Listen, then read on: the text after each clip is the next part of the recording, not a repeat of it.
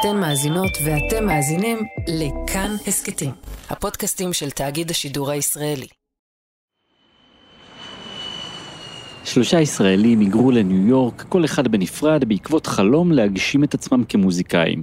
University of Texas and Berkeley מנפיקים אלפי מוזיקאים שנשמעים די דומה בסך הכל. ומה יש לך לתת פה בעיר הזאת? כאילו, מה מיוחד בך? מה הסאונד שלך בכלל? כשהם מצאו את הסאונד שלהם, הוא לא נשמע כמו שום דבר שהם עשו לפני כן.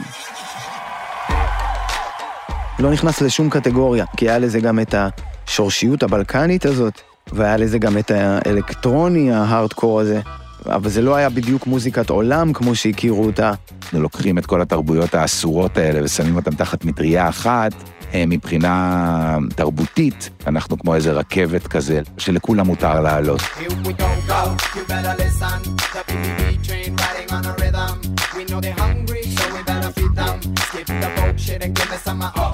זה מטורף.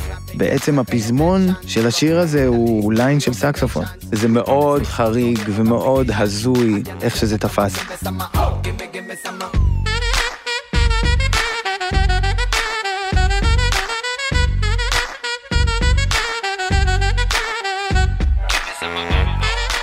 היי, אני ניר גורלי, והיום בשיר אחד, הסיפור מאחורי Hermetico של Balkan Beat Box.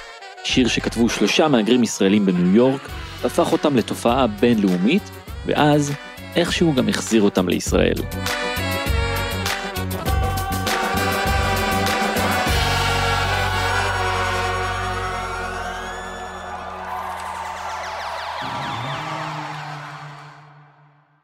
תמיר מוסקת הגיע לניו יורק בשנות ה-20 שלו. הוא היה צעיר עם חלומות ועשה הכל כדי לשרוד. הייתי על איזה, אתה יודע, 30 פרויקטים. בשנתיים, שלוש אחרי זה, התפרנסתי מזה שניגנתי כל ערב. היה לי כזה שברולט ענקית, עם סטופים בבגאז', ונסעתי לגיגים, אתה יודע, ברמה של 50, 80, 100 דולר לגיג, וככה התפרנסתי. אבל הוא לא עבר לשם בשביל לתופף עבור אחרים. תמיר בכלל רצה להיות מפיק מוזיקלי. באיזשהו שלב נזכרתי שאני צריך להתעשת ולהמשיך במה שבא לי לעשות, שזה לצמוח ולגדול בעולם ההפקה והאולפן, וביקשתי מאבא שלי לשלוח בקונטיינר את האולפן לניו יורק. הייתה לי דירה קטנה בברוקלין, אז הוא שאל אותי, איפה תשים את זה? וזה, אמרתי לו, אם הארגזים ישבו בסלון, אני אמצא מה לעשות עם זה, כאילו זה חייב לחסום לי את הסלון. משם ינבע הצעד הבא. תמיר גדל בפתח תקווה. כבר בגיל 13 היה לו אולפן במקלט של הבניין. דבר די חריג עבור ילד באמצע שנות ה-80. הוא גם ניגן בלהקות שונות, וב-1994, כשהוא בן 19, מצא את עצמו מתופף באלבום אלימות של לא אחר מאשר שלום חנוך. התקשרו אליי הרבה מאוד מאומני ישראל באותה שנה, בעקבות האלבום הזה עם שלום, היה מאוד מחמיא, זה היה מין קריאה כזו, בין גם להיות מוחמא מאוד, וגם uh, לזכור שיש לי עוד הרבה דרך לחפש.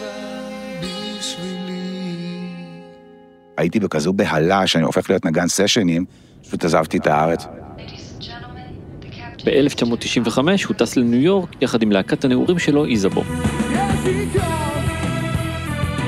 כבר היה לנו איזשהו דמו די טוב, והוחתמנו על ידי איזשהו לייבל בארצות הברית. זה היה כמו איזה חלום כזה מתוק והזוי, שאין בו שום תפיסה במציאות, שכשתיסע, כאילו, נסענו לכבוש את אמריקה, לא הייתה שאלה בכלל שזה יקרה. אבל המציאות בניו יורק הייתה פחות רומנטית. חבריי כבר אחרי שנה וחצי, שנתיים בניו יורק, כבר לא יכלו לשרוד את העיר, מבחינת כל הקשיים שמגיעים. ובעצם קיבלתי מין הודעה כזו מרן שם טוב שאחרי איזה ביקור בארץ, אנחנו לא חוזרים לניו יורק, אין מצב להתקלבות הזו יותר. אני כזה לקחתי איזה רגע, הבטתי בדברים ואמרתי, נאו, ונפרדנו כידידים אז, ונשארתי בניו יורק לבד. יעברו עוד כמה שנים עד שאיזבו יוציאו את אלבום הבכורה שלהם בלי תמיר. כמו אחרי האלבום עם שלום חנוך, גם הפעם תמיר בחר ללכת נגד הציפיות ממנו ולחפש את הדרך שלו באופן עצמאי. הוא ניגן אז בכל מיני להקות, בהן להקת Firewater, ששילבה רוק אלטרנטיבי עם ג'אז ומוזיקה צוענית. יום אחד, בדרך להופעה, תמיר עלה לאוטובוס ופגש שם סקסופוניסט שהציג את עצמו. הוא כזה, היי, אורי, ואני כזה, אורי? כזה, יס, אורי. אני כזה, אורי ישראלי? כזה, כן. כזה, אתה יודע, זה מפגש כזה, אז היה. ולקח לנו איזה רגע, ואז הוא קלט שאורי זה אורי קפלן מתל אביב. רק בגיל אה, 17 ומשהו התחלתי עם הסקסופון, להיות רציני. אז הייתי עם אה, קרדי פוסטל בלהקת DXM, מוזיקה אחרת לגמרי. ואז בא הצבא וגדע את הכל, ואז אה, אחרי שנה הבנתי שאני לא אוכל להיות מוזיקאי. לא הייתי מספיק טוב ללהקה צבאית, ואתה יודע, לא באתי מתלמה ילין, ופשוט ברחתי. York. זה היה קצת כנגד כל הסיכויים. זה היה קצת התאבדות כזאת של אני רוצה את זה, ולא מעניין אותי כלום, ואני לא מסתכל אחורה. וההורים שלי אמרו לי, Keep your day job if you have one, או תלמד משהו אחר גם. ולא יכולתי, הלכתי על זה, בקטע קיצוני של אה, אם אני לא עושה את מה שאני אוהב, אז אין לי קיום. בניו יורק אורי ניגן בעיקר ג'אז, ואז הוא גילה את פיירווטר. ובהסעה, בדרך לאחת ההופעות, הוא גילה גם את אמיר. ואז התחלנו לקשקש. התחלנו לתכנן את uh, עתיד המוזיקה העולמית, שם, בוון הזה. בהמשך אורי שמע להקה אחרת בסצנה. טירוף עוד יותר מוחלט, קיצוניות יותר מוחלטת. ללהקה קראו גוגול בורדלו. הלכתי לשמוע אותם. זה קברט כזה ניסיוני לגמרי, זמר עם כריזמה ו... קיצר, בסוף ההופעה באתי ליוג'ין, הזמר, ואמרתי לו, I think we can do something, let me be guest. וזה קרה תוך יומיים, כאילו, יאללה, מה? אורי ניגן עם גוגול בורדלו לתקופה מסוימת, וגם לחבורה הזאת אמיר הצטרף. הפעם בתור מפיק מוזיקלי, באולפן שבנה בניו יורק עם הארגזים שהגיעו מישראל. ואז עשינו אלבום משותף שקוראים לו ג'אף, JUF, שזה Jewish Ukrainian Franchise, שזה בעצם גוגול בורדלו versus תמיר מוסקת, כמו קרב אגרוף כזה, כי גוגול בורדלו הביאו את הג'יפסי פאנק שהם, ואני הבאתי את האלקטרוניקה, ובאלבום הזה קלטנו, אורי ואני, שמשהו פוצח פה, עלינו על איזה משהו. במקביל, יוג'ין הוץ, סולן גוגול בורדלו, היה מארגן מסיבות בניו יורק. עכשיו המסיבה הכי קולית שהייתה בניו יורק סיטי בזמנים האלה, הוא, הוא אוקראיני והוא היה מנגן מוזיקה פולקלור ערסית על טורבו כזאת, וזה הביא את כל ה immigrants הכי קולים והכי innovative וכל האומנים לתוך המסיבות האלה, אבל מוזיקה לנגן, לא היה מספיק mashup ים של הדברים האלה. אז תמיר ואורי נכנסו לאולפן ויצרו מוזיקה, כדי שיהיה ליוג'ין מה לנגן במסיבות. תמיר ואני ישבנו איזה חודש, ויצרנו שם דברים מטורפים. כל הזמן היינו עושים ניסיונות, יושבים באולפן ומשמיעים אותו בערב, בודקים את המיקס, בודקים מה צריך יותר, מפתחים את זה תוך כדי שאנשים רוקדים בטירוף שקוראים לדבר. זה היה דבר נפלא, כאילו, למש... לעשות את זה במקום. מפה לשם, אורי ותמיר מצאו את עצמם עובדים על אלבום. אז הסקיצה הראשונה, אני זוכר שכתבתי על אה, דיסק לבן כזה שצרבנו, Afro-Mediterranean Balkan Beat Box. ואז כזה, אוקיי, ברור שזה ארוך מדי, אבל אה, יש מצב שתמיר, ה producer, כזה, just make it BBB. הבלקן מייצג משהו, הוא מייצג אה, old world, וה beatbox מייצג מכונת המחשב, זה הכל. זה לא משוייך לאף לאום בעצם מבחינתנו, ודווקא היה בזה משהו משחרר. Balkan Beat Box היו תמיר על ההפקה והתופים, אורי על הסקסופון, וזמרים מתחלפים מכל העולם. אני יצאתי למסעות אה, מחקרים אנתרופולוגיים רציניים בעיר, כאילו הלכתי לכל המקומות של השישה, מרוקאים, מקומות אה, בולגרים, מקומות אה, אפריקאים, מקומות, כאילו, במועדונים קטנים מצאתי זמרים, הכרתי אותם איכשהו, זה דברים שבאמת הם כל כך היו underground ב vibe של ניו יורק באותה תקופה.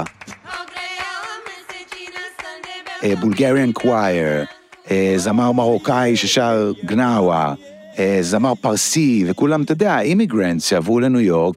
זה כל מה שעניין אותנו, זה עניין אותנו לייצר איזה קשר אל העבר, אל, ה... אל מה שהיה לנו כזה ב-the back of our ears מישראל. עשינו אלבום שהוא סופר אקלקטי. אחד הזמרים שהם הזמינו לשיר בפרויקט היה תומר יוסף, מישראל. תמיר פגש אותו כמה שנים קודם לכן, כשתומר בא במיוחד אליו לניו יורק כדי להקליט את אלבום הבכורה שלו. תומר היה מוכר מחבורת פלטפוס המיתולוגית, וגם זכה להצלחה בפריים טיים של ערוץ 2, בתור עובדיה ה sidekick המתופף של אבי גרייניק ועידן אלתרמן כוכבי השכונה. גם לנו מגיע קצת לוקסי. נכון, נכון. חבר'ה, חבר'ה, מה אתם עושים פלברות? כולה פיאט 127 יד שביעית.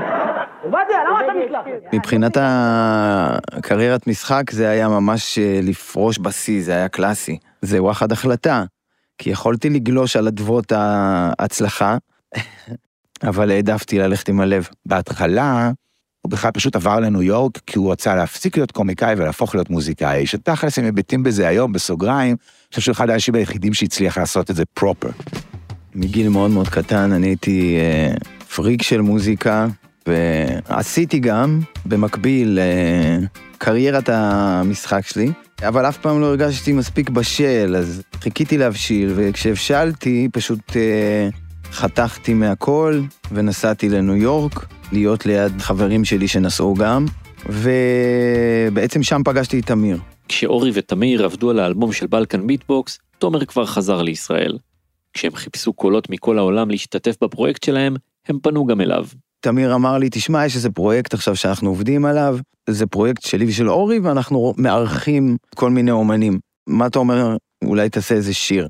כי יש לי הרגשה שאולי יכול להיות כמו איזה צלע יותר היפ-הופ של האלבום הזה. ומה שמצחיק היה שתומר שר את הבלדה, קוראים לה La Bush Resistance, שיר סופר פוליטי, אין לנו בלדות הרי, ל Balkan Beat Box. הבלדה של האלבום זה תומר יוסף כאורח באלבום הראשון.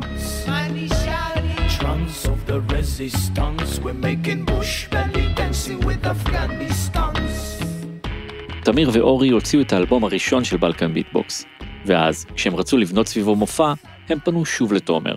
הם רצו להעלות את זה על הבמה, אבל זה היה קצת מסובך בגלל שזה בעצם פרויקט שמכיל לתוכו כל כך הרבה אומנים, אז זה קשה לגבש את כולם. הם החליטו לבוא לארץ ולעשות, אה, לדעתי זה היה weekend כזה, של הופעות במקום שנקרא ג'אפן בזמנו היה בפלורנטין, בתל אביב. וזה היה מין קרקס כזה, מלא בכל מיני אורחים מכל מיני סוגים, בכל מגוון הקשת האומנותית וגם העדתית, ואני נקראתי לדגל, מה שנקרא. ודי מהר הפכנו להיות אה, הרכב.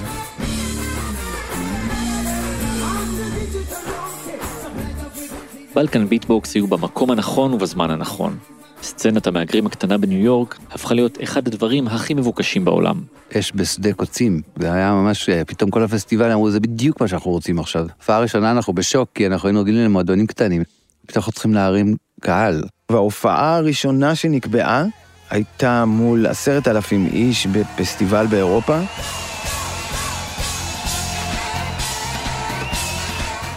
וואו, זה יהיה קשה לתאר את ההרגשה. אבל אני חושב שהיי זה המילה הנכונה.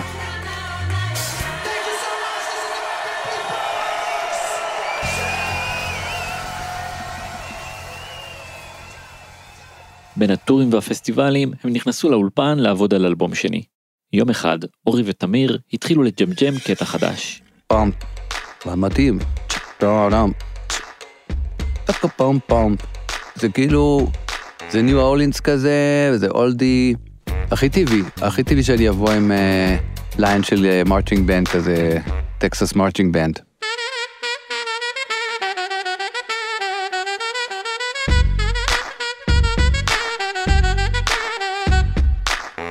אני חושב שהליין הזה בא בשנייה, מהליינים האלה, שכאילו אני כל הזמן חוקר מוזיקה טורקית וטוענית, שם את הסקסופון בפה והיה יוצא לי הדברים הכי טובים הם הדברים שעבדת עליהם מלא זמן, ואז אתה, בום, שולף אותם מהכובע. אני חושב שהדבר הראשון שנכתב זה ההוק הזה של הסקסופון, שאני יודע בוודאות שהפעם הראשונה שאורי ניגן אותו, זה הפעם הראשונה שזה הוקלט, וזה מה שנשאר בהקלטה. הוא היה קטע אינסטרומנטלי. עכשיו, אנחנו כאילו הרגשנו שזה יהיה נחמד שתומר יהיה נוכח באלבום, וכמו חיפשנו את המקומות שהגיוני להם, יש בהם את ה space לתומר. הם השמיעו לי את ה beat, ואני חושב שהדבר הראשון שקפץ לי לראש זה היה זה ה- Here we go go, you better listen. Here we go, go, you better listen. The BBB train riding on a rhythm. We know they're hungry, ואחרי זה, אחרי שהקלטנו את זה, בעצם אמרנו, אוקיי, חסר לנו בית. בוא אני אספר לך, יש לך פה סקופ. קצת לפני אה, הקלטת האלבום השני של בלקן, עבדתי על פרויקט אה, עם בנו הנדלר שנקרא טרמפולינה. ושם היה שיר שנקרא USA זה באסה. כמה טוב לי באמריקה, לשתות קפה וסופגניה בפארק אמריקה ואם מספיק מבטא אולי תהיה פה נשיקה עדיף לשמור על אחללות שיחוק ואתיקה השמעתי לחבר'ה את זה כשהגעתי לניו יורק, תמיר ואורי התלהבו וביקשו להשתמש בבית בשיר החדש שהם כתבו. ניסינו את זה וזה די היה מושלם. קיבלתי את ברכתו של בנו. אה, ובעצם אה, הבית של הרמטיקון, הוא בעצם יצא לעולם עוד לפני הריליס הזה של בלקן. כמה טוב לי באמריקה, לשתות קפה וסופגניה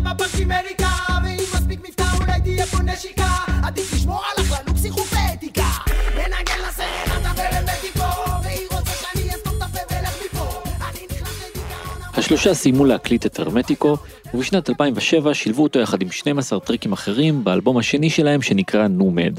לא הייתה להם שום כוונה להוציא אותו או כל שיר אחר כסינגל. גם ככה היינו אזוטריים, לא דיברנו שפה של מוזיקה ברדיו, לא עניין אותנו גם כל כך. ידענו שאנחנו נישה, ו- ושמחנו על זה, כאילו זה להפך, זה נתן לנו חופש לא לשחק את המשחק המקובע של שיר צריך להיות שלוש וזה, זה צריך להיות שיהיה לו A, פרי קורוס, פזמון, כאילו שיחקנו במגרש המשחקים שלנו, העולם אמר לנו וואו, תודה רבה, וזה רק הרים לנו, כך שככל שהתקדם הזמן והשנים חלפו, בעצם הרשות שניתנה לנו היא לעשות בדיוק מה שאנחנו עושים ולא מה שכולם עושים. זה תמיד היה בגדר להקת קאלט כזו, שמביאה קהל יפה, אבל זה לא היה מיינסטרים באף צורה. ואני חושב שהמהלך בעצם הראשון שאפשר לקרוא לו מיינסטרים דווקא קרה פה בארץ. הם בכלל לא תפסו את עצמם כלהקה מצליחה בישראל, אבל כאן השמועה עברה מפה לאוזן, והם הוזמנו להופיע באנגר 11. שאז הכניס משהו כמו 5,000 או 6,000 איש. ואני זוכר אותנו, אותי לפחות אומר, איך נביא 5,000 איש בישראל? הגזמתם, כאילו עשינו שלושה ערבים בג'אפן, 1,500 איש, 2,000 איש, מה, זה קפיצה מעל הפופיק. גם יש הבדל בין להופיע בין עשרות אלפי אנשים שהגיעו לפסטיבל מוזיקה, לבין לפתוח קופה. ופתחנו את ההופעה הזאת, ונהיו שני האנגר סולד אאוט, כאילו היא הייתה sold out כל כך מהר שנפתח עוד האנגר, שנהיה גם הוא sold out, ואז קלטתי שכנראה משהו קורה פה בארץ שאנחנו לא מודעים לו. ובהופעות הענק האלה, הרמטיקו התגלה כשיר שמזיז את הקהל במיוחד. בהחלט, כי יש לו את ה stop. בום, כולם קופצים. זה היה איזה טריגר כזה לאנשים לקפוץ בהופעה. וגם הרדיו לא יכול היה להתעלם. אני חושב שממש היה בקשות של חיילים בגלגלצ ואנשים, משהו שזה בא מהעם. כאילו רצו לשמוע, ביקשו לשמוע, ואיכשהו זה נענה, ופתאום התחילו להשמיע את אה, הרמטיקו. זה הפך להיות מהרינגטון של המדינה. הייתי בא לביקור בארץ, אני כל הזמן, טה טה טה טה טה טה טה טה טה הלו? אה, זה היה צחוקים. מאוד הפתיע. אנחנו תפסנו את עצמנו, אתה יודע, לא כאיזה הרכב שיכול להיכנס לפלייליסט. אנחנו עשינו איזה את- את השיט שלנו ב-so called underground, ופתאום זה תפס בצורה כזאת, זה היה מדהים. השנים עוברות, בלקן ביטבוקס הופכת מפרויקט ללהקה, ותומר יוסף הופך לחבר קבוע. הם מוציאים עוד שני אלבומים, הרדיו בישראל משמיע עוד שירים שלהם, והטורים והפסטיבלים לא מפסיקים.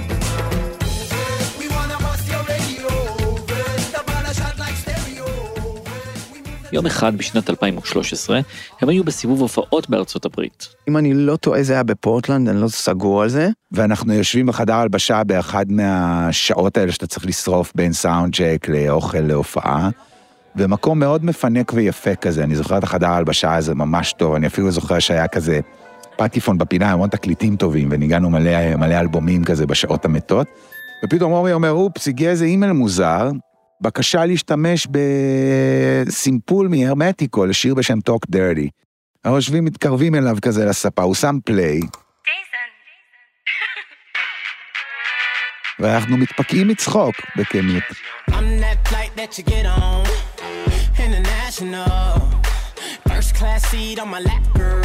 כי זה היה כל כך פופי וכל כך לא לרוחנו, ה- אתה יודע, ה- איך לומר את זה בעדינות, לא דיבר אלינו, לא בטעמים שלנו הדברים האלה, שפשוט אני זוכר השיר כבר בבית שני, אנחנו פשוט על הרצפה מתפוצצים בצחוק, שמישהו לקח אותנו ושם את זה בכזה קונטקסט של איזה שיר כזה הכי סקסיסטי כמעט.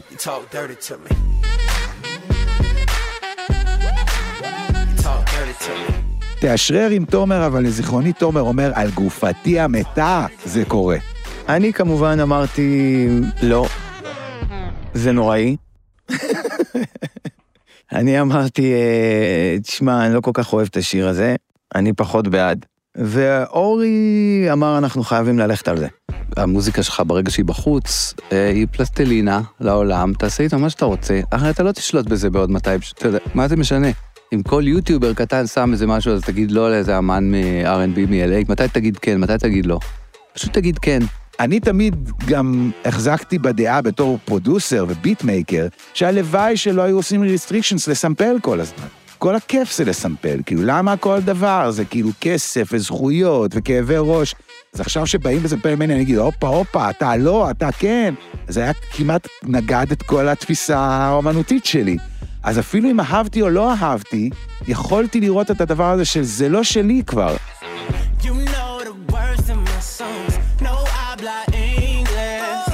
הזמר היה ג'ייסון דרולו, זמר וכותב אמריקאי שכבר היו לו כמה להיטים. אבל החברים בבלקן לא ממש הכירו אותו. אני בכלל לא, לא, לא הבנתי את גודל העניין. בסופו של דבר אורי שכנע אותי, אה, ועד היום אני מודה לו. הסכמנו, ושכחנו מזה, כמו שאנחנו מסכימים למיליון דברים. והאמת, שגם לא היו להם ציפיות או אשליות שמשהו יקרה עם השיר. תשמע, אחוזי ההצלחה במוזיקת פופ, לעומת ה- הניסיון המטורף של אלפי אנשים במכונה לייצר להיט, הרי בכל יום נתון 5,000 איש יושבים ב-LA ומנסים לייצר את הלהיט מספר אחד. אז האחוזים הם מועטים, כן? רק שחצי שנה אחר כך, השיר הזה כן מתפוצץ. כן, זה היה די שוק. זה פסיכי, כשיש לך שיר שהוא מקום ראשון בבילבורדס, הוא מקום ראשון בכל המצעדים בכל העולם, האפקט של זה הוא, הוא בלתי נתפס, באמת. והוא נתפס כל כך חזק וטיפס בצ'ארטס כל כך חזק, שהתחלנו כבר לקבל טלפונים מחברים שלנו בכל העולם ברמה של אחי, אני בבומביי במונית, ושומעים פה את הרמטיקו, אבל זה לא תומר, מה? כזה, בום. אחי, אני באיזה מועדון בלונדון, שומעים פה את הרמטיקו, אבל מה, סימפלו, מה? כאילו, ועשרות של כאלה. הייתי לוקח את הבת שלי לגן בווינה, אז פותח את הפופ רדיו, ותמיד שומע את זה, אבא זה אתה. כן, אנחנו מממנים לך את הדלק לגן.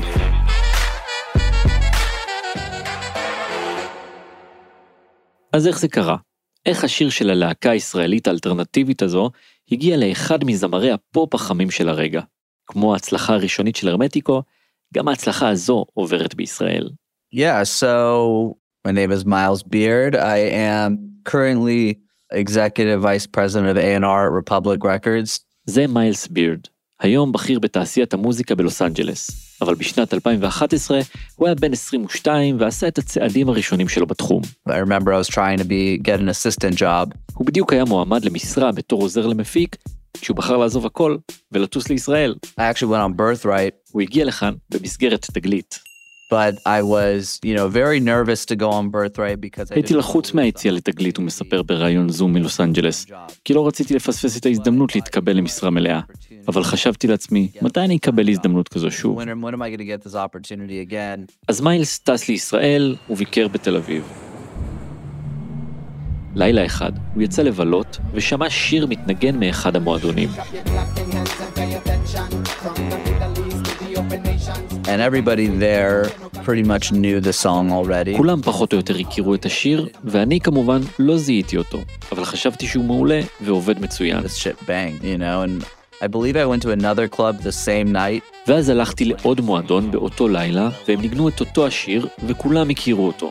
אז הלכתי לדי-ג'יי, ואני לא יודע אם שאלתי אותו או הצצתי לו במחשב, וזה היה הרמטיקו של בלקן ביטבוקס. כתבתי את השם, חשבתי שזה מדהים. מיילס חזר ללוס אנג'לס. I went around to every producer that we published. הלכתי לכל מיני מפיקים, והייתי יועץ slash מתמחה, אז אף אחד לא ממש לקח אותי ברצינות. אבל בסוף, הגעתי לבחור שהכניס אותי לסשן עם המפיק ריקי ריד. חיכיתי לסוף, ניגנתי לו את השיר, וביום שאחרי, הוא שלח לי את הביט. Like the next day. בשלב הזה נכנס לתמונה בחור יהודי נוסף. What's up, guys? Shalom Aleichem. Uh, yeah, my name's Eitan Ben Harin. איתן הוא בן להורים ישראלים שהיגרו לארצות הברית לפני שהוא נולד. היום הוא בכיר בחברת התקליטים אטלנטיק רקורדס. Uh. אני זוכר שמיילס ניגן לי את זה. היינו חברים כי עבדנו באותו בניין, והוא ניגן לי את זה וזה היה ממש אש. הוא סיפר לי את הסיפור על איך הוא שמע את זה בישראל, והוא שלח את זה לריקי ריד, ופשוט אהבתי את הביט וחשבתי שזה משוגע. Time, Jason. באותה תקופה ג'ייסון דרולו החלים מפציעה, אז הוא היה מחוץ לעניינים ולא היה לו להיט כבר הרבה זמן. אז פשוט בילינו יום יום באולפן וניסינו לפצח את הקוד של מה יהיה הלהיט הבא של ג'ייסון. איתן נכנס עם ג'ייסון לאולפן וניגן לו את הביט. וג'ייסון כתב שיר אחר. אבל הצוות לא הרגיש שזה חומר ללהיט. כשהוא כתב את זה בפעם הראשונה, הוא שר מעל כלי הנשיפה וזה פשוט לא עבד. אבל איתן לא התייאש. למחרת הוא ניגן את ה beat שוב, וכל החדר נדלק. Jason's. ואני אה, זוכר שאפילו חברה של ג'ייסון אמרה לו, babe, מה זה? והוא אמר, כן, כתבתי לזה אתמול. ואז עצרתי את המוזיקה ואמרתי, תשמע. אני יודע שניסית את זה כבר, אבל אם תצליח לפצח את זה, זה יהיה להיט. ואני חושב שתנסה לא לשיר על כלי הנשיפה, תיתן לזה לנשום. תתייחס לזה כמו דרופ, ופשוט תגיד משהו חכם.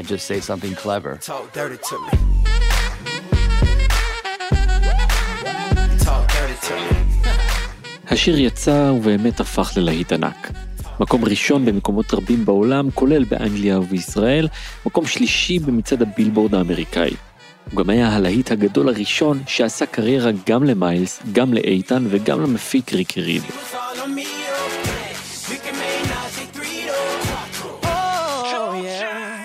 וההצלחה של השיר שמה פתאום את תמיר, אורי ותומר בפרונט של תעשיית הפופ האמריקאית. קלטנו את זה ואמרנו קודם כל איזה כיף, יש מצב שנפלנו על בוננזה, או ממש כאילו, הרבה פעמים בשירים כאלה כשמסמפלים מישהו, הסימפול הוא מאוד מינורי, מאוד קטן, או איזשהו משהו פה או משהו שם.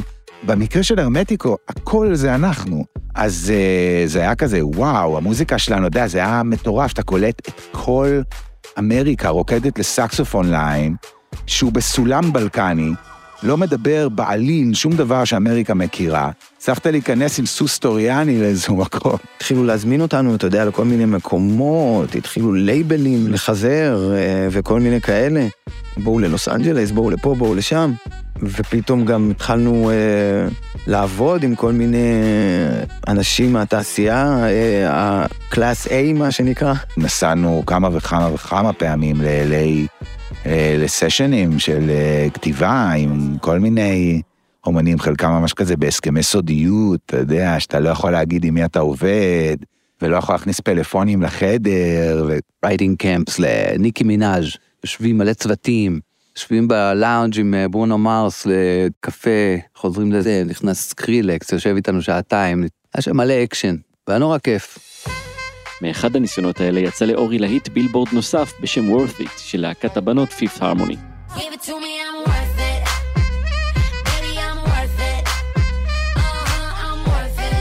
worth it. ואז דיבר איתי המיקסר של הפופ ב-LA, ג'יי ג'יי. הוא הבן אדם, והוא שואל אותי על המיקס ועל זה, אם המיקס נכון, כי זה היה גם ביט שלי וגם הליין שלי, Give it to me, I'm worth it. אז הוא אמר לי, you're the only saxophone player I mix in LA, like you're, you're the sax man of the world, זה צחוקים. אז צחקתי איתו, אמרתי לו, since a careless whisper, you know. זה כמובן קרץ מאוד, והיה שהיה איזה רגע כזה שאמרנו, וואו, זה היה ברור שאם אנחנו עכשיו שמים את התחת שלנו ב-LA, בשלב הזה, שהכיסאות כל כך רותחים, מה שנקרא, אז יש מצב שהקריירה שלנו תשתנה בזוויות שאנחנו לא בכלל יכולים להכיל. I remember taking home a plaque to my dad. מיילס זוכר שהוא הביא הביתה פרס הוקרה ואבא שלו כל כך שמח. וכל מה שהוא יכול לחשוב עליו זה איך להשיג את הבא. זו המתנה והקללה של מה שאנחנו עושים, הוא אומר. אבל תמיר, אורי ותומר היו כבר בשנות ה-40 שלהם, אחרי קריירה של כמעט 20 שנה, והם לא הסתנוורו מהצלחה. You're as big as your last hit, אני לא יודע מי מכיר את המשפט הזה. זה, זה הערכנו את זה ממש מקרוב. אתה כל הזמן עכשיו במלחמה, היית נאמבר 2 בצ'ארטס, אז נאמבר 4 כבר לא יספיק בפעם הבאה, נכון? זה מין כזה, הערכנו את זה, ולשמחתנו אנחנו רואים באמת במהות שלנו אלטרנטיביים, שלא מחפשים את ה... זה לא המנוע שלנו. זה היה סופר מחמיא, סופר מפרגן וסופר מסקרן, אבל אחרי כמה סשנים, אני זוכר אותנו מסתכלים אחד על השני ואומרים, תודה ולא תודה. וכמו שהם עשו לא פעם ולא פעמיים בעבר, הם הלכו בדרך שלהם. וזה נכון, כשכבר זה קרה, זה קורה אחרי גיל 40, זה מעניין, אבל זה ממש... הדבר החשוב כבר קורה, זה הדבר העיקרי. אז אנחנו לא באנו לשנות את עורנו, באנו להישאר אותו דבר, אתם רוצים משהו שלנו, זה מה שהופך אותנו למיוחדים. אם אנחנו ננסה להתיישר ולהיות עכשיו בתעשייה וזה, אז אנחנו איבדנו כבר את הייחודיות שלנו והפכנו להיות אה, אחד מהחמשת אלפים איש שעובדים כל יום לייצר אה, להיט מיינסטרים. ודווקא ההצלחה הבינלאומית הכל כך מסיבית הזו, היא זו שבסופו של דבר החזירה אותם לישראל. עבור אורי זה היה אחרי למעלה מ-20 שנה. לפחות בשבילי זה אפשר לי אה, לבוא לארץ, כי העיר הזאת הייתה בלתי אפשרית, כפי שאתה יודע, אחד המקומות היקרים בעולם, להביא משפחה לפה וזה. הייתה איזה נחת רוח לעשות את זה בטוב, בלי יותר מדי לחץ, להמשיך אה, להתפקס בעבודה המהותית לי. החברים כבר עברו לפה, הילדים נולדו, והייתי צריך את הוויליג', את ה- את השבט, ממש, הרגשתי בודד שם. תומר היה הראשון מביניהם שבחר להחזיר את החיים שלו לישראל, והוא אפילו לא התלבט אם לעזוב שוב. אתה יודע, הייתי עובר לגור בלוס אנג'לס, וכל היום הייתי מקפץ בין אולפנים, והייתי בטורים כל הזמן, וזה... אני יודע שאם הייתי עושה את זה, אני הייתי מפספס אה, המון דברים שאולי הם יותר חשובים מהקריירה שלי. בשבילי כבן אדם. ומה שאני רוצה זה לעשות מוזיקה, ולהיות עם המשפחה שלי, עם הילדים שלי ועם אשתי, אתה יודע, ולביים ולנגן וכל הדברים שאני, ולבשל, אני נורא אוהב לבשל. אני אוהב לעשות הרבה דברים בקיצור. ובגלל זה בעצם אני לא, אני לא שמתי את עצמי במקום הזה. כרגע זה נראה לא טוב. וגם תמיר חזר לישראל, ולקח על עצמו יותר ויותר פרויקטים מקומיים. כן, כנראה, עושה חווה אלברשטיין, אתה יודע, ומצא את עצמי פתאום מתאהב, גם פה מחדש וגם בעיקר רואה איך זה זמנים אחרים, ואני ממש מתחבר למוזיקות שקורות פה. מה שחשוב עכשיו זה לשמור על יציבות. תמיר הגיע לניו יורק במטרה לכבוש את העולם. זה לא קרה בדרך שהוא תכנן, אבל בסוף זה איכשהו כן קרה. באמת נסתרות הדרכים. הרבה מההצלחות ה-what so called המסחריות, בהצלחות מה שנקרא שאפשר לשים על השולחן, בעולמי, כל ההצלחות האלה קרו מהדלת האחורית. אף פעם לא מהדלת הקדמית. זה הגורל שלי עד כה.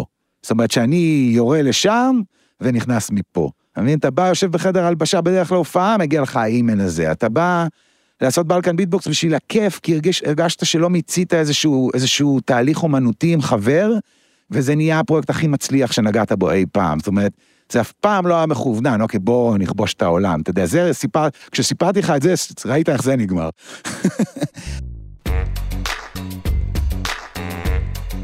האזנתם והאזנתם לשיר אחד. ערכתי את הפרק יחד עם מאיה קוסובר. עיצוב סאונד ומיקס, אסף רפפורט ומור סיוון. בצוות התוכנית, תומר מולביטזון ואייל שינדלר. סיור בהפקה עדן דוידוב, תומר פישר ועמרי קפלן. פרקים נוספים מחכים לכם באתר וביישומון כאן. אני ניר גורלי, תודה רבה על ההאזנה, ניפגש בפרקים הבאים.